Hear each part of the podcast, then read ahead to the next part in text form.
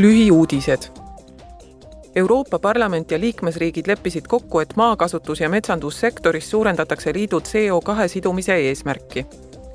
kokkuleppega suurendatakse viisteist protsenti Euroopa Liidu kahe tuhande kolmekümnenda aasta eesmärki vähendada kasvuhoonegaaside heitkoguseid.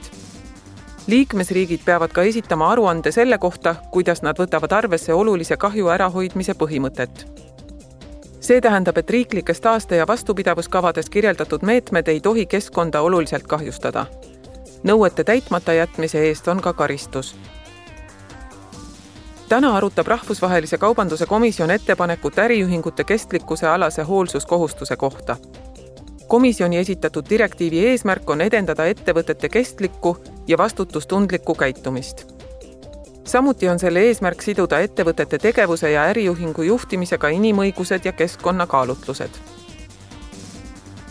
täna arutavad Euroopa Nõukogu noortedelegaadid kultuuri- ja hariduskomisjoni liikmetega noortepoliitikat.